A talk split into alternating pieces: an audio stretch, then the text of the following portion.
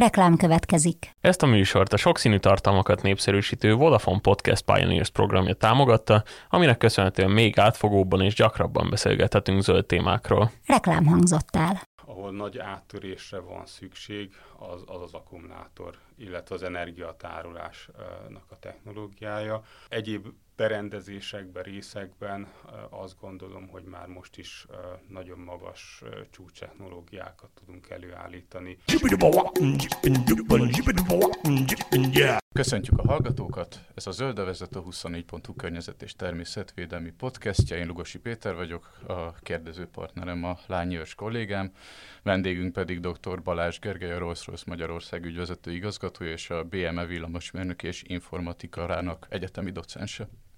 Szervusztok, én is köszöntöm a hallgatókat. Hát itt őrsel az adások során már elég sokat beszélgettünk légi közlekedésről, de én azt gondolom, hogy még mindig eléggé adósak vagyunk ebben a témában. Olyan részletességben egészen biztosan nem beszéltünk még eddig a, a dologról, mint ahogy a mostani adásban fogunk. Mert hát zöld szempontból a közlekedés ez egy eléggé, eléggé kritikus pont, ha így lehetne számszerűsíteni, a teljes üvegházgáz emisszióból a légi közlekedés az nagyjából mekkora részt tesz ki? Igen, készültem a számokkal, úgyhogy akkor a, induljunk egészen távolról. hát azt mondják, hogy a, a közlekedés, az épített környezet, illetve a villamos energia, illetve bármilyen más energia előállítása ezek az iparágak körülbelül az összes CO2 kibocsátásnak a világon a 70%-át adják. És hogyha ezt egy picit jobban rázumolunk ebből a közlekedésre, akkor azt lehet mondani, hogy egy kicsit több mint 20 százalék, a 23 százalék, amit viszont a közlekedés ad, nem a 70 százaléknak, hanem a 100 százaléknak, tehát akkor egy 20-23 százalék, ami adódik a légi közlekedés, földi, illetve a vízi közlekedésből. És akkor, hogyha tovább megyünk, légi közlekedés, ez volt az alapvető kérdésetek, az a teljes kibocsátásnak a 3 át adja. Amit, hogyha így egy kicsit távolról megnézünk, akkor nem tűnik egy olyan nagyon nagy számnak, viszont hogyha minden ilyen 3%-ot hát hagyunk leesni az asztalról, akkor hát nem fogunk soha sehova eljutni. És még egy aspektus, amit hadd említsek meg, hogy bármennyire is mondjuk a közlekedésből, akár most azt úgy tekinthetjük, hogy ez egy kisebb érték, Viszont, hogyha azt nézzük, hogy a közlekedés egyéb iparágai, például a földi közlekedés, például a személyautók, mennyire elindultak a környezettudatosság és a CO2 normáknak a lecsökkentése, illetve egészen leredukálása irányába, akkor azt lehet mondani, hogy a légi közlekedés arányaiban egyre nagyobb lesz, hogyha ha nem teszünk semmit. És azért dolgozunk, hogy tegyünk is valamit ennek érdekében ugye itt a Rolls-Royce márka nevet, hogyha kiejtsük, akkor szerintem az emberek többségének azért a fényűző autók jutnak eszébe, viszont azért a Rolls-Royce nagyon régóta foglalkozik azzal, hogy például a légi közlekedésben a, a meghajtással tulajdonképpen. Ö, mi az a terület, amivel a, a magyar csapat foglalkozik, amiről, hogyha jól tudom, akkor ilyen 100-120 fő környékén van most? Az a terület, amivel mi foglalkozunk, ez egy teljesen független Rolls-Royce entitás, mint a Rolls-Royce autó. Egész pontosan 1970-es évek 73-ban vált külön a Rolls-Royce autós részlege, illetve most ilyen leegyszerűsítve a repülős részleg, és, és hát azóta két teljesen független cégként, teljesen más tulajdonosi háttérrel ment tovább a két cég. És amivel, ami, a mi Rolls, egyébként a két cég között csak a logó, ami, ami ugyanaz. És akkor a mi rolls royce ha megengeditek, így fogalmazok, öt üzleti területtel rendelkezik, ebből egyik a polgári repülés, másik a védelmi ipar, harmadik az energetikai ipar, negyedik az elektromos ipar, és az ötödik pedig az úgynevezett ilyen kis moduláris reaktorokkal foglalkozó iparág. Ebből az öt iparágból itt Magyarországon mi az elektromos iparágnak vagyunk a részei, és és ahogy mondtad, 120 fő dolgozik a magyar csapatban, ahol is hát kutatásfejlesztési tevékenységet végzünk elsősorban itt ebbe az elektromos légi közlekedés számára. leggyakrabban még a, a hagyományos járatokon még azért nem az elektromos hajtás az, ami dominál. Ez még egy lényegében elég kezdeti stádiumban lévő, vagy tesztelés alatt lévő terület. Mik lesznek azok az elsődleges különbségek, amik meg fognak érezni az emberek, amikor ezek megjelennek? Például a, az utazás kényelmében változik-e valami? Azért az fontos elmondani, hogy a, a, a karbonsemlegességet, és itt a repülésben a karbonsemlegességet, azt a Rolls-Royce nem csak és kizárólag ebbe az elektromos területben látja, hanem nagyon dominánsan megjelenik a, különböző hidrogén felhasználások, akár tüzelőanyagcellákba, akár mondjuk elégetve turbinahajtóművekbe, vagy pedig megjelenik a fenntartható üzemanyagoknak a kérdése. Tehát itt egy eléggé tág portfólióról beszélünk, aminek egy szegmense az, a, az az irány, amit említettél, ez a hibrid és elektromos iparág. Ez azt látjuk, hogy először kis repülőgépekbe fog megjelenni, és ebben a piacban két olyan fontos szegmens, amit most a Rolls-Royce maga elé vetít. Az egyik az úgynevezett városi légiközlekedésnek a járművei, a másik pedig a regionális légiközlekedésnek a járművei. És azt látjuk az előrejelzések alapján, illetve a saját ütemtervünk alapján, hogy már a 2030-as évek legelején, vagy még ezt megelőzően fognak ezek kereskedelmi forgalomban megjelenni. És milyen előnyöket biztosít mondjuk a környezettudatosság mellett egy egyszerű um, utas számára? Hát mindenképpen azt lehet elmondani, hogy hát egy, egy, egy csöndesebb technológiáról beszélünk, ami um, hát légcsavar, illetve a hajtóműnak a zaját azt nem tudjuk teljes mértékben kiküszöbölni, de itt is azért megpróbálunk olyan technikákat alkalmazni, például az, hogy lejjebb visszük a fordulatszámot, ezzel halkabb légcsavarokat lehet alkalmazni, ami mondjuk egy, egy, egy előnyt jelenthet, és egy kényelmesebb repülést. És egy másik előnyt hadd említsek, az pedig a biztonság. Hogyha magunk elé képzelünk mondjuk egy helikoptert, aminek van um, hát két hajtása, akkor ehhez képest egy ilyen városi légiközlekedésnek az elektromos járművében mondjuk 6 vagy 8 hajtómű van, amiből mondjuk, hogy egy-kettő vagy akár három meghibásodik, akkor is még megfelelően vezérelhető, irányítható marad a jármű. Tehát egyfajta magasabb biztonsági szintet is uh, tudnak ezek a rendszerek biztosítani a légiközlekedés számára. Az, hogy a városi légi közlekedés, az mondjuk, hogy mindenki számára elérhető legyen, ez, ez mennyire skifi kategória? Pár évvel ezelőtt azt lehetett volna mondani, hogy skifi, azonban napjainkban már azt mondhatjuk, hogy a realitás. Tehát már megjelentek már most is működnek, mondjuk ezek elsősorban helikopteres városi légiközlekedési szolgáltatások, amik nagyvárosokban mondjuk különböző ilyen hotelekben a heliportokról gyűjtik össze az embereket és viszik ki a repterekre. És akkor ezt egy picit tovább gondolva, hogyha ugyanezeket a járatokat már ezekkel a, a helyből felszálló elektromos légjárművekkel tudnánk megvalósítani, akkor ez egy nagyon ideális alkalmazási terület lenne. Vagy itt említhetném még akár, tehát most amiről beszéltük, hogy mondjuk városközpont mhm. és a repülőterek közötti ingázás. Vagy egy másik érdekesség mondjuk a, a, a különböző nagyon közeli régiók közötti uh, szállítások is megjelenhetnek itt. Úgyhogy manapság már különböző ilyen demonstrátor járművek repülnek, és, és hát azon dolgozunk, hogy 2030-ra ez már valósággá váljon, és még nagyobb tömegek számára legyen elérhető arról nagyon sokat hallani, hogy például ilyen japán startupok és különböző ilyen elég gazdag országokból származó startupok elég aktívan tevékenykednek ezen a területen, viszont a nagygyártókról én például kevesebbet hallok ezen a területen. Dolgoztak együtt valamilyen nagy céggel ilyen szempontból, akinek már előre haladott kutatásai vannak ezen a téren? Hogyha jelenleg körbenézünk a nagyvilágon, a nagyvilágban nagyon érdekes, hogy hát több mint 300 ilyen koncepció van, amelyik előre vagy hátrébb tartó fázisokban, tehát nagyon sokan foglalkoznak ilyennel. Nagyon nagy beruházások vannak mind a privát, mind az állami szektorban ból erre a területre. És itt a Rolls-Royce a, nagyobbakkal kíván együttműködni, és egy, egy együttműködést hadd említsek ez pedig egy angol céggel, az úgynevezett Vertical Aerospace-szel való együttműködésben mi fejlesztjük a légijárműhöz a hajtásrendszert, és a Vertical Aerospace pedig a, a, a járművet.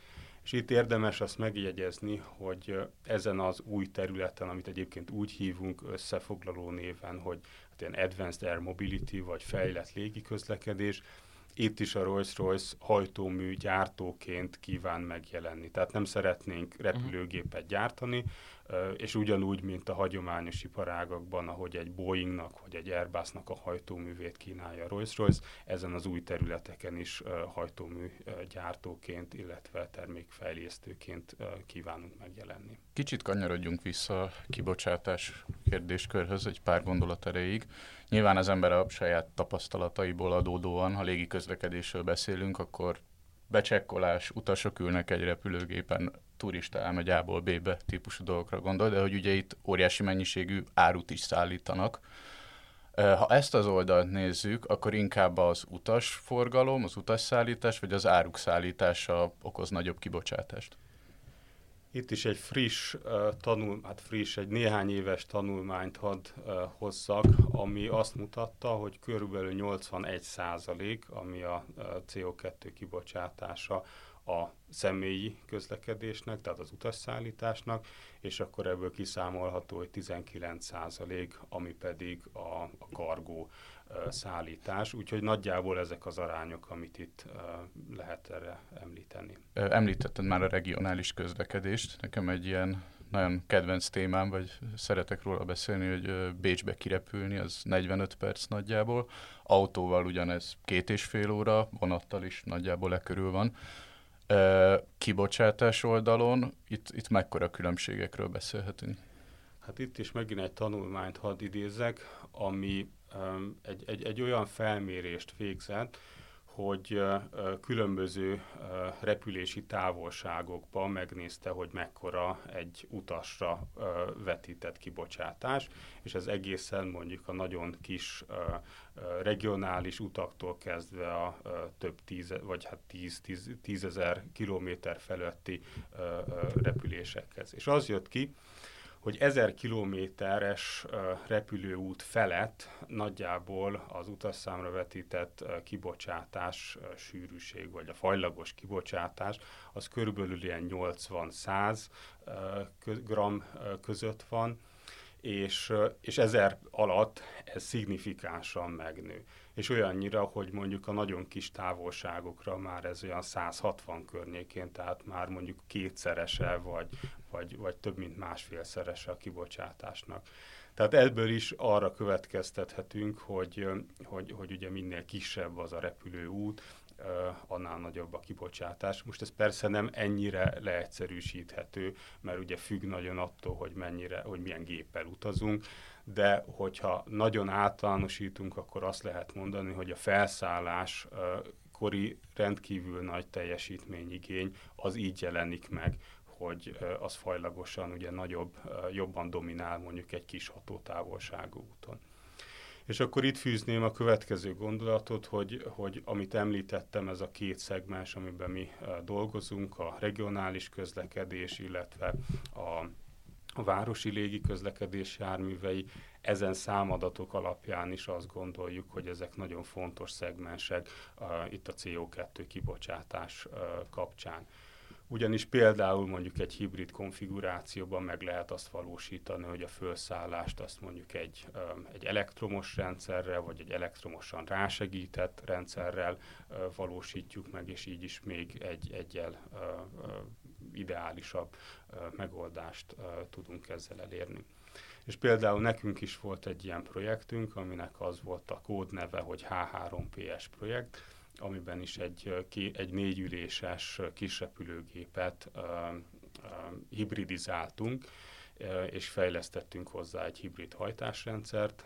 Egyébként ez egy párhuzamos hibrid rendszer, és ezzel is kimutatható volt, hogy egy 20% energia, megtakar, vagy energia megtakarítás, és ezáltal uh, CO2 kibocsátás csökkentést is lehetett elérni, pusztán azzal, hogy egy belső égésű motort egy kicsit rásegítettünk egy elektromossal. És hogyha ezek a motorok megjelennek, akkor mondjuk egy Bécs-Budapest távolság az például ilyen szempontból letudható lesz, vagy ez még évtizedek fejlesztése, amíg mondjuk egy ilyen több száz kilométeres távot is letudhatunk ilyen kis repülőkkel? Azt gondolom, hogy egy valamilyen hibrid konfigurációban ez nem kell, hogy olyan nagyon ö, több tíz évet jelentsen és távoli jövőt. Ö, egy hibrid konfigurációban, ahol is mondjuk lehet a villamos energia előállítása valamilyen zöld módon, tehát például hidrogén vagy ö, fenntartató üzemanyag elégetésével biztosítani, akkor már itt is tudunk egy megfelelő zöld ö, megoldást biztosítani de azért azt is hozzá kell tenni, hogy a, a, azért az akkumulátoroknak a kapacitása, hát az még nagyon messze jár, mondjuk, mint egy, egy bármilyen más tüzelőanyagnak a energiasűrűségétől, és éppen ezért mondjuk teljesen akkumulátoros járatok ilyen kis, vagy ilyen viszonylatokban, jó néhány száz kilométeres viszonylatokban egy picit később fognak megjelenni, de ahogy látjuk az akkumulátor technológiának a fejlesztését, ez is meg fog érkezni. Feltéve, hogy itt néhány évtizeden belül akár mondjuk egy városi légiközlekedés, ez tényleg sűrűbbé vagy sűrűvé tud válni, ez közlekedés irányításilag felvethet esetleg problémákat? Ilyenkor én tényleg a Star Wars koruszányára tudok asszociálni, ahol ott sávokban repkednek a, a járművek. Ilyesmi ö, szabályzások várhatóak ezzel kapcsolatban? Talán ez a legnagyobb kihívás, amire most itt rátapintottál. Azt gondolom, hogy a technológia megvan. A akkumulátor technológia még fejlődhet, de mondjuk a villamos technológia beleértve mondjuk a motort, beleértve mondjuk a különböző elektronikákat, azért ezekkel elég jól állunk. Viszont ezeknek a szertifikációja, mind a hajtás oldaláról, mind pedig a repülőgép oldaláról, ezek nagyon komoly kihívást jelentenek, és nagyon hosszú folyamatot jelentenek, hogy eljussanak kereskedelmi forgalomba. És azért azt is látni kell, hogy ezek először úgy fognak megjelenni, hogy pont-pont közötti összeköttetést és fix útvonalon tudják biztosítani, tehát még azért az a fajta szifi, hogy a városon mindenfele és, és mind a három dimenzióban hát azért ez egy picit később fog megjelenni, de azért az hozzá kell tennem, hogy már ezek a koncepciók is úgy kerülnek kifejlesztésre, hogy az van figyelembe véve, hogy hosszú távon ezek automatikus üzemben tudjanak pilóta nélkül menni, de először meg kell ugranunk azokat a lépéseket, amit említettem. Akkor az elektromos autókhoz hasonlóan itt is már alapból megfogalmazódik az a vágy, hogy ne csak egy sofőr tudja például ezeket irányítani, hanem legyen önálló rendszere. Természetesen, tehát ez is, amit egy korábbi kérdésben említettetek, itt a, az utas kényelem, Hát legtöbb utas az azt a fajta kényelmet kereső, hogy minél egyszerűbben, minél gyorsabban, minél kényelmesebben tudjon eljutni A-ból B-be, és ezek a rendszerek ezt a célt kívánják szolgálni, hogy, hogy, hogy, hogy tényleg automatikusan vigyék, vigyék a személyeket. És amikor ilyen fejlesztésekről van szó, gondolom ezt rengeteg számítás előzi meg, hogy például a, a környezeti kibocsátásra ez milyen hatással lesz, mennyit takaríthatunk meg ezáltal, felmerülnek esetleg olyan kérdések is, például, hogy a, az így felszámolt dugóknak vagy forgalmi akadályoknak például a kiváltása az, az mennyit jelenthet például akár emberi életekben vagy kibocsátásban? Én inkább egy másik oldalról közelíteném meg ezt a kérdést, és egy picit beszélnék a kibocsátási célokkal, célokról. Alapvetően az a, a a repülés, vagy a nagy repülőgépgyártók, vagy a repülőgépiparnak a célja, hogy 2050-re karbonsemlegessé tegye ezt az egész repülést.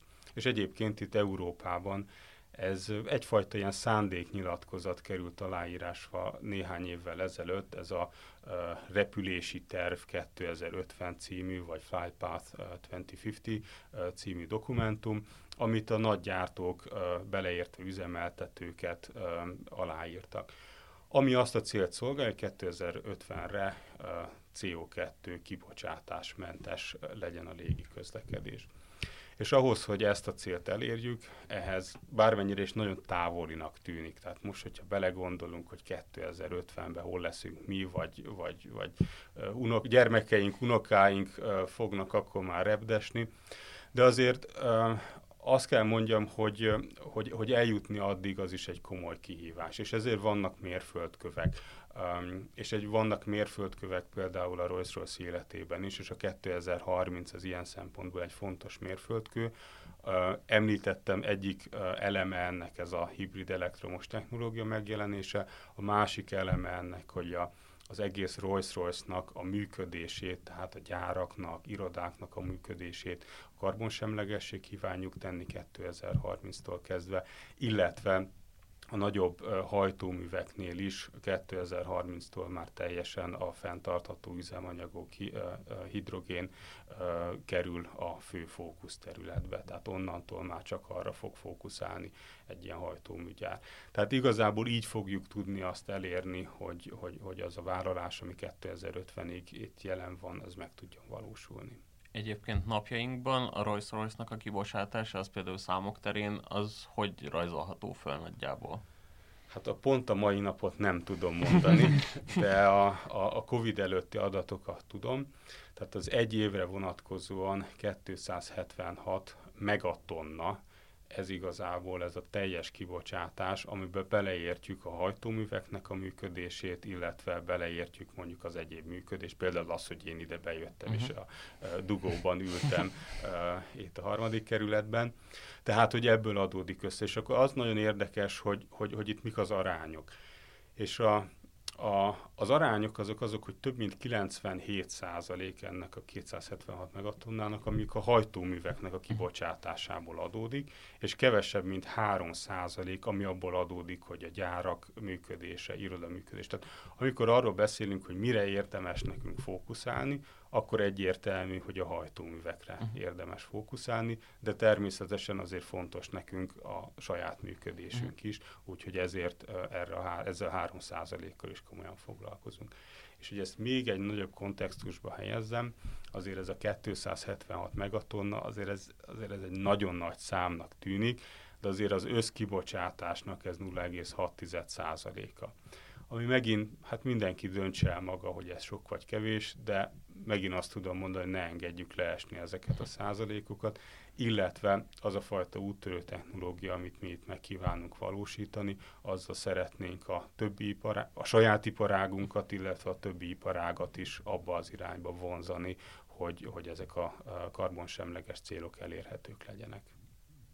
Repülés kapcsán nyilván ugye a meghajtó technológia az, amin ha zöldíteni akarunk, akkor ott kell kezdeni, de azt tudjuk, hogy egy reptér az egy, az egy óriási infrastruktúra. Ott esetleg van terület, ahol lehetne még zöldíteni a működésem? Igazából ezek az új technológiák egy teljesen más infrastruktúrát igényelnek. Tehát dolgozunk olyan koncepciókon, ami mondjuk gyors töltést tesz lehetővé, dolgozunk olyan koncepciókon, amit mondjuk egy akkumulátor cserét tesz lehetővé, illetve hogyha kicsit elrugaszkodunk mondjuk itt az elektromos oldalról, akkor mondjuk egy hidrogén, hidrogén tárolása, hidrogén betöltés, ez is egy, egy, egy fontos elem. Tehát itt nekünk nagyjából újra kell gondolni azt, hogy mondjuk mit is jelent egy reptéri infrastruktúra, és most nem, nem a hagyományos utasváróra gondolok, hanem, hanem, hanem az egyéb ellátási infrastruktúrát, és itt is hát a, az energetika üzletággal szorosan együttműködésbe kívánunk itt is előrelépni, és itt is megfelelő megoldásokat biztosítani mert bármennyire is jó repülőgépek előállhatnak, hogyha nincsen hol föltölteni, nincs megfelelő infrastruktúra, akkor azok teljesen használhatatlanok lesznek.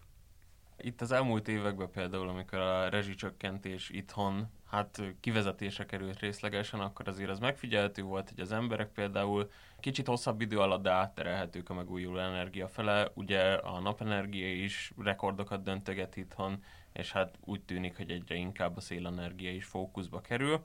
A kérdés viszont az jelenleg, hogy az energiatárolásra milyen opcióink vannak. Ugye itt az akkumulátorok, még ahogy korábban említetted is, ezek még elég kezdeti stádiumban vannak.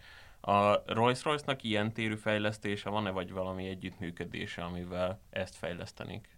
Igen, a energetikai iparágnak van külön olyan irányú fejlesztése, hogy telepített akkumulátoros energiatárolók, és ez nem csak a légipar számára, hanem, hanem, hanem bármilyen más alkalmazás számára. És egyébként azt lehet mondani, hogy ott nem olyan nagy kritérium az, hogy minél könnyebb legyen, minél biztonságosabb. Most persze biztonságosnak kell lenni, de mégse egy 30 ember alatt van az akkumulátor, hanem azért megfelelő távolságban. Tehát vannak ilyen megoldások már ma is, és ma is ezek kereskedelmi forgalomban kaphatók, úgyhogy, úgyhogy ez, egy, ez, egy, ez egy érdekes portfólió elem akkor érdekes portfólió elem a hidrogéntárolás, illetve a tüzelőanyag cellás megoldások, ezt megint az energetika, vagy hát angol néven az a Power Systems üzletlág, a rolls royce foglalkozik ezzel. És akkor a harmadik ilyen portfólió elem, amit hadd említsek, ezek az úgynevezett kis moduláris reaktorokkal foglalkozó üzletág, ahol is hát azok a felméréseket látjuk, hogy a, hogy a világon van igény olyan kis és moduláris, gyorsan telepíthető reaktorokra, amiknek mondjuk a teljesítménye az néhány száz megawatt környékén van, és, és ezért nagyon komoly fejlesztések vannak a rolls royce annak érdekében, hogy ezek is mondjuk egy ilyen 5-10 év távlatából meg tudjanak jelenni, és, és, és tudjanak villamos energiát biztosítani mondjuk nagy gyárak számára. Úgyhogy itt is azt tudom em- megemlíteni, hogy ilyen top, több portfólió elemből áll össze az a mix, amit, amit, amit tudunk kínálni itt a megoldások számára ha már itt az energetika témába egy ennyire belemerültünk. Ugye hidrogén és az elektromosság, abban nagy reménységek vannak, de azt azért tudjuk, hogy nem mindegy, hogy milyen forrásból származik az a hidrogén. Ugye itt ilyen szín, színek alapján szokták behatározni őket, a zöld hidrogén az, ami ugye már jó, hiszen az megújuló energiaforrások segítségével állítják elő, illetve hát nyilván egy elektromos hálózatnál pedig kérdés, hogy azt az áramot azt egy szénerőmű, vagy napelemek, szélerőművek termelik-e meg ahogy növekedni fog a ö, áramigénye a szektornak, azt le fogja tudni követni mondjuk akár Magyarországnak az energiatermelése, megújuló energiatermelése? Hát itt, itt is én azt gondolom, hogy egyfajta mix, amiben, amiben gondolkozhatunk, illetve uh, én nem feltétlenül ennyire regionálisan gondolkoznék, uh, hanem, hanem globálisan és azt gondolom, hogy egy olyan globális mixet kell uh, kialakítanunk, ami, um, a, a, ami zöld áramot uh, tud előállítani. És akkor ebben a globális mixben mondjuk megjelenhet egy, egy, egy, egy vízi energia felhasználása, megjelenhetnek azok a megülő energiák, amit ti uh, említettetek. És akkor itt azért hadd említsek meg egy, egy, egy számomra nagyon jó példát uh, e tekintetben, ez pedig Norvégia, ahol hát azt tudjuk, hogy nagyon zöld az áram a különböző földrajzi adottságok miatt, illetve a, a vezet, norvég vezetésnek az elkötelezettsége miatt, és éppen ezért nekünk is nagyon fontos együttműködéseink vannak Norvégiával, például a regionális légi közlekedésben, ott az egyik fontos partnerünk a Viderő, egy nagyon komoly norvég légitársaság, és hát azt kívánjuk megvalósítani, hogy mondjuk a regionális közlekedésben ők is tudják használni ezt az elektromos technológiát, úgyhogy akkor, amit te említettél, nagyon szépen bezárulna az egész mix, és azt láthatjuk ott, ott, ott nagyon korán megjelenni, hogy, hogy, hogy zöld elektromos energia előállítása, vagy hidrogén előállítása, azt utána felhasználni mondjuk a közlekedés szám, szempontjából, és ott, ott, ott tényleg ez a, a CO2 neutral körfolyamat az, az viszonylag korán már megvalósítható lehet. Térjünk át szerintem kicsit a, a magánrepülőgépeknek a piacára, ugyanis hát végül is, hogyha úgy nézzük, akkor ezek a kezdetlegesen a városon belüli közlekedési járművek, vagy fejlett közlekedési járművek is lényegében ezt fogják szolgálni. Előzetesen ugyanis gondolom, hogy nem minden réteg számára lesz elérhető a legelején. És uh, itt a regionális közlekedés kapcsán az elmúlt hónapokban például Franciaországban elég erősen megjelent egy olyan hang, hogy uh, ami kiváltható belföldön vonatközlekedéssel, akkor azokat a repülőjáratokat például megszüntessék, változna-e valami, hogyha ezek a repülőgépek például elektromos meghajtással, hibrid meghajtással rendelkeznének? Ö, ilyen szempontból van-e nyitottság például az Európai Unióban? Igen, azért azt az elején hadd tisztázzam, hogy ezek a városi közlekedésnek a járművei, ezek közösségi közlekedési járművekről beszélünk. Tehát alapvetően itt nem magán célú használat, hanem inkább egy ilyen taxi célú használat, vagy hát az autó megosztó talán azt lehet még itt mhm. említeni, csak mondjuk nem, hogyha már ez valamikor ilyen önvezető lesz, mert azért nem fogunk mindenkit, mindent, mindenkit pilótának kiképezni. Tehát alapvetően itt ez valamilyen közösségi célt szolgálnak ezek a járművek, és nem pedig magáncélt. Azt gondolom, hogy ezt érdemes elmondani, és akkor ebből tovább vezetve a gondolatot, hogy, hogy, hogy jelenleg is az Európai Unió számos forrást biztosít annak érdekében, hogy, hogy ezek a technológiák fejlődjenek. Nekünk is az a az a, a párhuzamos hibrid kisrepülőgép projekt, ez is részben EU-s finanszírozással jött létre, és jelenleg is dolgozunk olyan EU-s finanszírozású vagy részfinanszírozású projekteken, amik ezt a hibrid, illetve az elektromos technológiát a légiiparba kívánják implementálni. Tehát azt gondolom, hogy megvan megfelelő támogatottság erre, és így meg lehet, nekünk is lehetővé válik az, hogy, hogy, hogy nagyon érdekes és új technológiákon dolgozzunk. Például itt hadd említsek egy olyan EU-s projektet, amiben itt Magyarországról is bedolgozunk. Ez megint egy, egy párhuzamos hibrid hajtásrendszer. Ez egy ilyen laboratóriumi demonstrátor lesz megawatt nagyságrendben, ahol is mi fejlesztünk egy olyan gyorsforgású villamos gépet, ami ennek az egész hibrid rendszernek az egyik fő része és fő eleme lesz ős gondolatára ráfűzve, ez elég, elég gyakran föl szokott merülni a légi közlekedés kapcsán, hogy a magángépek, ezek a, akár Leonardo DiCaprio miért magángéppel repült el, akár melyik klímakonferencia típusú dolog, és hogy nyilván ezeknek van egy elég jelentős kibocsátása. Ugyanakkor viszont azt látni lehet, hogy akár zöld technológia terén is a, az innovációra elég fogékonyak a, a tehetősebb rétegek, tehát tényleg a elektromobilitásban az elektromos autók is először ezt a szintet érték el. A légi közlekedésben megfigyelhető hasonló trend? Jelenleg is már kereskedelmi forgalomban elérhetők olyan kétüléses teljesen elektromos hajtású kisrepülőgépek, amelyeket magáncélra értékesítenek, illetve hát itt a megjelenés előtt van jó néhány hasonló, mondjuk ilyen kétüléses, teljesen elektromos kisgép. Ezek már részben tréning célokat, részben pedig azokat a célokat, amiket említettetek, tehát magáncélokat, magánhobbi repülést tudnak biztosítani. Azonban hát én a Rolls-Royce oldalról azt kell mondjam, hogy mi ebben a szektorban jelenleg nem veszünk részt.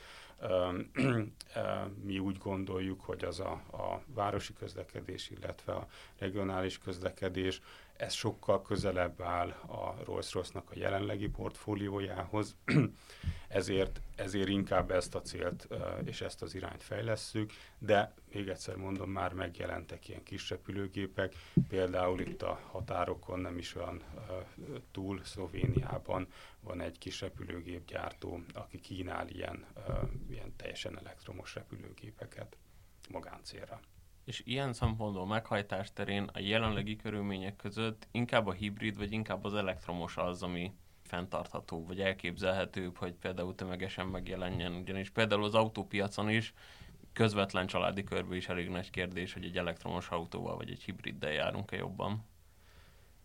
Nálunk alapvetően a, a hatótáv, ami ezt meghatározza. Tehát olyan alkalmazásokban, ahol, ahol kis hatótávokról beszélünk, ott, ott az elektromos a válasz erre.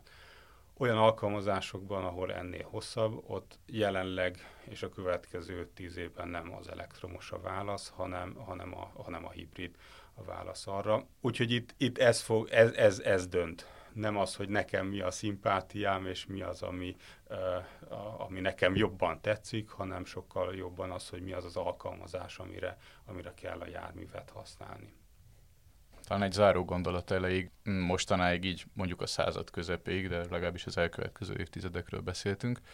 Ha egy kicsit túltekintünk, vannak olyan kísérleti technológiák, amelyekben nagy potenciál lehet? Itt mondjuk arra tudok gondolni, hogy lehet hallani napelemes technológiáról, hogy azt miként lehetne bevezetni a légi közlekedésbe. Vannak ilyen technológiák? Hát alapvetően, ahol, ahol nagy áttörésre van szükség, az az, az akkumulátor, illetve az energiatárolásnak a technológiája. Úgyhogy hát ott is körbenézve a nagyvilágban rendkívül sok fejlesztés van. Ott várjuk, hogy, hogy, hogy legyen egy, egy, egy megfelelő áttörés.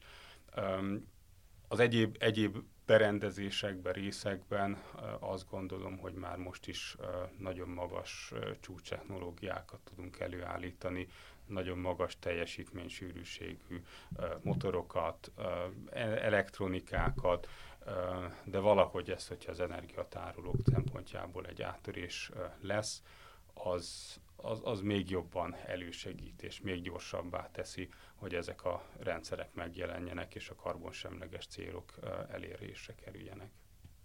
Dr. Balázs Gergelynek köszönjük szépen, hogy a vendégünk volt. Köszönöm szépen én is.